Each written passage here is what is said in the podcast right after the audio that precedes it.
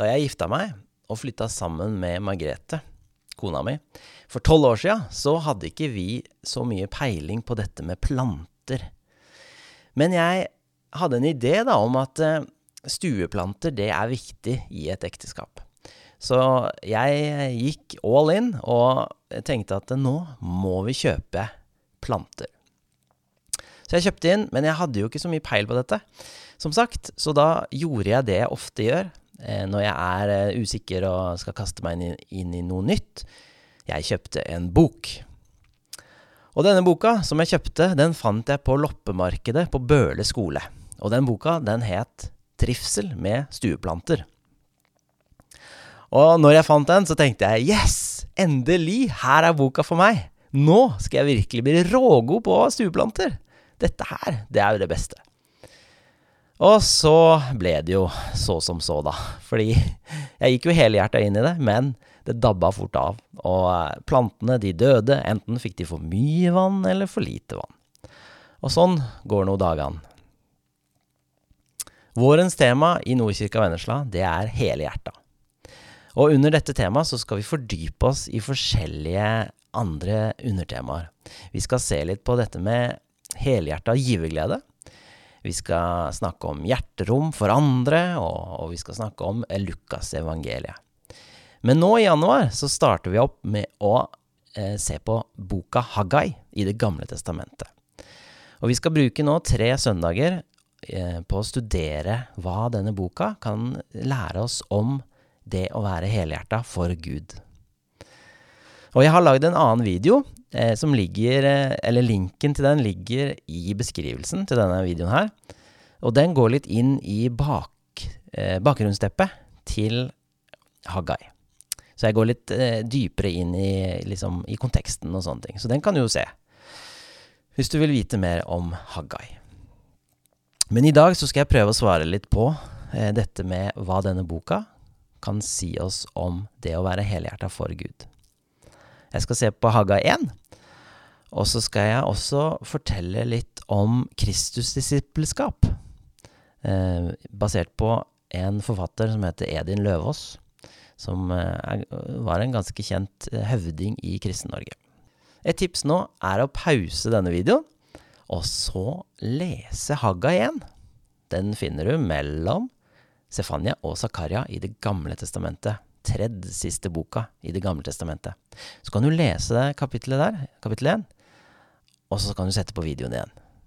Ok?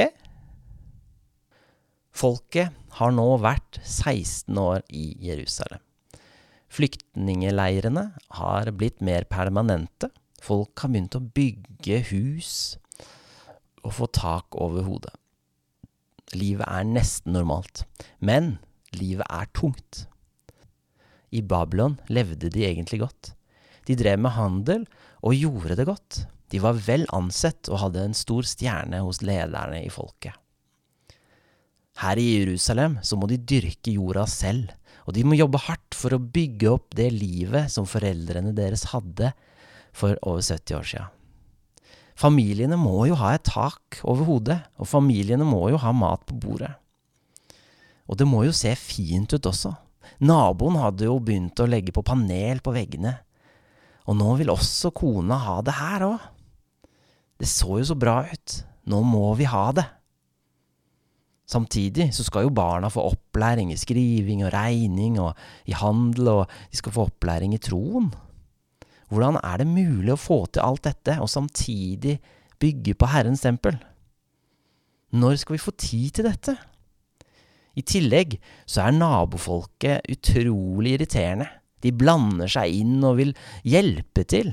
Disse samaritanerne som, som ikke har peiling på gudsdyrkelsen, som blander og gjør feil. De er vantro, de kan ikke være med oss. Det går jo ikke. Og nå har de klagd til styresmaktene i nord, og de har fått dem til å komme ut med et påbud om at, om at ikke vi får lov å bygge tempelet. Det er jo ikke lett å bygge tempelet og være sammen med Gud da. Men egentlig var det jo litt deilig, da, at vi fikk dette påbudet om å ikke bygge. For da hadde vi jo en unnskyldning. Det er jo lettere å si at nei, det er ikke lov, enn at jeg har ikke tid. Det letter litt på den dårlige samvittigheten. Klart det er vanskelig å prioritere Gud og tempelet når vi møter slike utfordringer.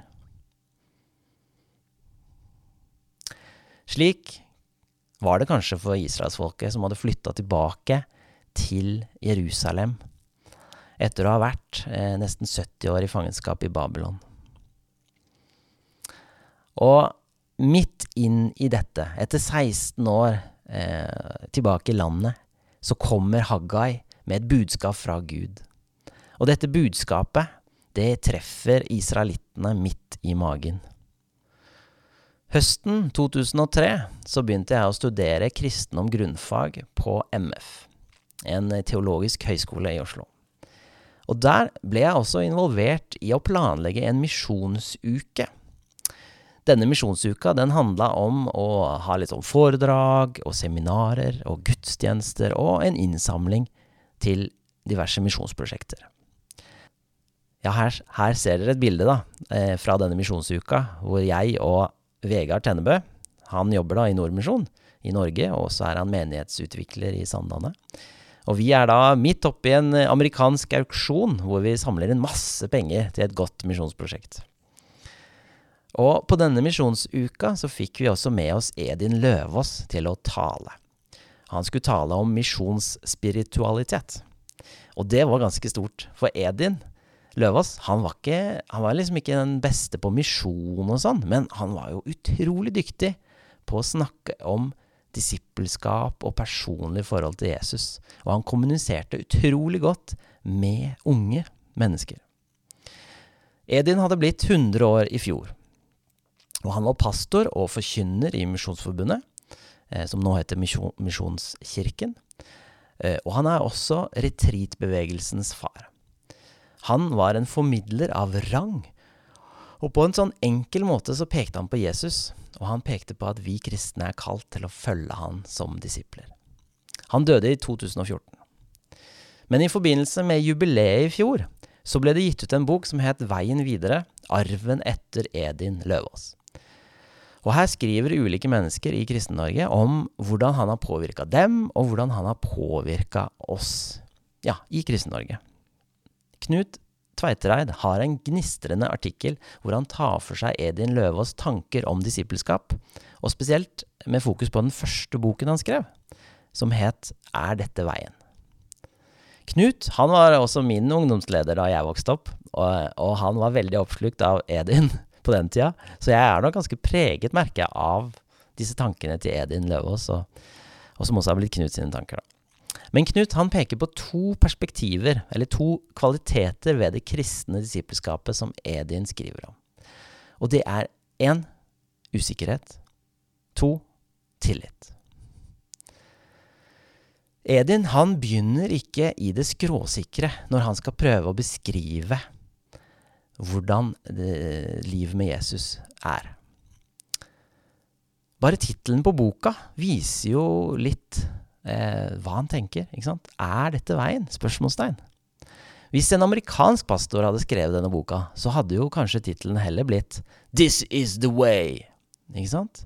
Men Edin Løvaas, han starter i usikkerheten. Og det liker jeg godt. For er det ikke sånn livet egentlig er? Usikkert. Det er jo det vi har fått oppleve nå i 2020. Vi blir igjen og igjen minna på at uh, livet er sårbart. Det, det, vi tar for gitt, og det vi, det vi, tar for å være fast og godt fundamentert, det, det er sårbart, og det kan falle sammen. Så vi opplever at livet er usikkert. Og troen kan også være usikker. Hva er egentlig meningen med alt? Men her begynner altså Edin. Og det er ganske deilig, syns jeg, og befriende. Men det som er så bra, det er at han har en retning med usikkerheten. For usikkerheten har en retning mot Kristus. Alt av tvil og usikkerhet det rettes mot den levende Jesus Kristus, som er vår bror. Og vi kristne, vi har dette privilegiet. Vi kan venne oss til vår far, han som ønsker å ta imot oss sånn som vi er. Og dette er viktig. At vi har tillit til vår Gud, og tillit til at Han alltid tar imot oss. Og så var det dette punkt nummer to, da. Tillit mot Kristus. For tillit er den andre kvaliteten som Knut, Knut trekker fram ved Edins tanker om kristent disippelskap. Usikkerheten og fortvilelsen, det får ikke siste ordet. Det går en direkte vei fra fortvilelse og usikkerhet til Kristus. Tillit til at det Jesus kom for å gjøre på jorda, det var å vise oss veien hjem til pappa Gud. Israelsfolket, de fikk en vekker med dette profetordet som ble formidlet av Haggai, og som kom fra Gud. De ble utfordra på retningen de hadde i livene sine. Deres unnskyldninger for å ikke prioritere Gud, de ble imøtegått. Hvorfor skulle de pynte sine egne hjem? Når Guds hus, selve tempelet, lå i ruiner. Tempelet som var symbolet på at Gud var tilgjengelig på jorda. Folket skjønte at de ikke hadde rettet sin egen usikkerhet og tvil mot Gud. De var nok rådville, de var nok sure og trøtte og lei, men de tvilte, og de tvilte på hele dette prosjektet. Men i stedet for å venne seg til Gud, så ble de praktiske med sine egne prosjekter. De prøvde å fikse livene sine med egen kraft. De rømte vekk fra problemene sine. De hadde kanskje ikke tillit til at Gud ville besørge dem. Eller de ble bare oppslukt av alt kjas og mas i hverdagen. Dette her, det skjedde for over 2500 år sia. Men det skjer fortsatt i dag. Når jeg er usikker, når jeg blir rådvill eller tviler, så rømmer jeg ofte inn i praktiske prosjekter i mitt eget liv, istedenfor å snakke med Gud om utfordringene mine. Og det som jeg glemmer, og som kanskje vi alle glemmer ofte, det, det er jo det at det, eh, nå så er Gud tilgjengelig 24-7, overalt, uansett. Det er ikke sånn at vi må søke Gud i et tempel, i en fysisk bygning. Men etter at Jesus kom til jorda, etter at han døde og sto opp igjen, etter at forhenget revna i tempelet, som et symbol på at nå er veien inn til Gud åpen gjennom Jesus Kristus. Nå kan vi ha fellesskap med Gud gjennom Han, og, og, og gjennom at vi fikk Den hellige ånd, så er vi alle nå templer for Gud.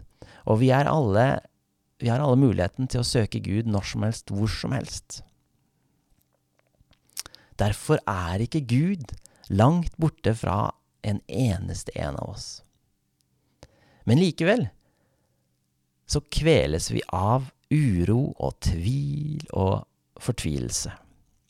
Vi glemmer så lett at Jesus, han er nær. Vi lever som om han er langt borte.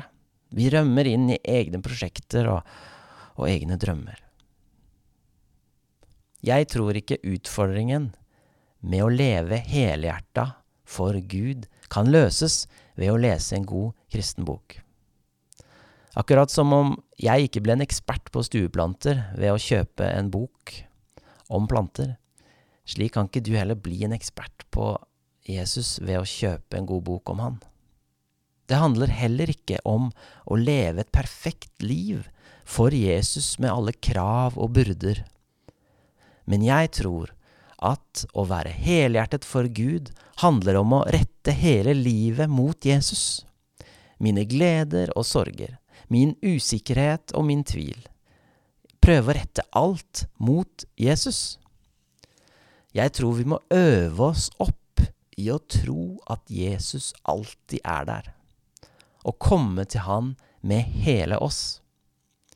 Ja, dette tror jeg er veien til et helhetlig kristent disippelskap hvor vi lever helhjerta for Gud. Det tok tre uker etter Haggais profetord fra Gud, før israelsfolket var i gang med å bygge på tempelet igjen. Hvilke tanker vekker Gud i deg etter å ha lest denne teksten? Hva tar du med deg videre i de neste ukene? Tips er å skrive det ned. Fortelle noen andre det, kanskje? Gjør deg selv ansvarlig på det Gud legger på hjertet ditt. Og i vers fem så sier også Gud, gi akt på deres veier. Og dette tror jeg han også sier til oss i dag. Gi akt på dine veier. Hva er det du vil prioritere i 2021? La oss be. Takk, Herre, for et nytt år. Vis oss hva det vil si å være helhjerta for deg. Vekk tanker i oss, og led oss på din vei, Jesus. Amen.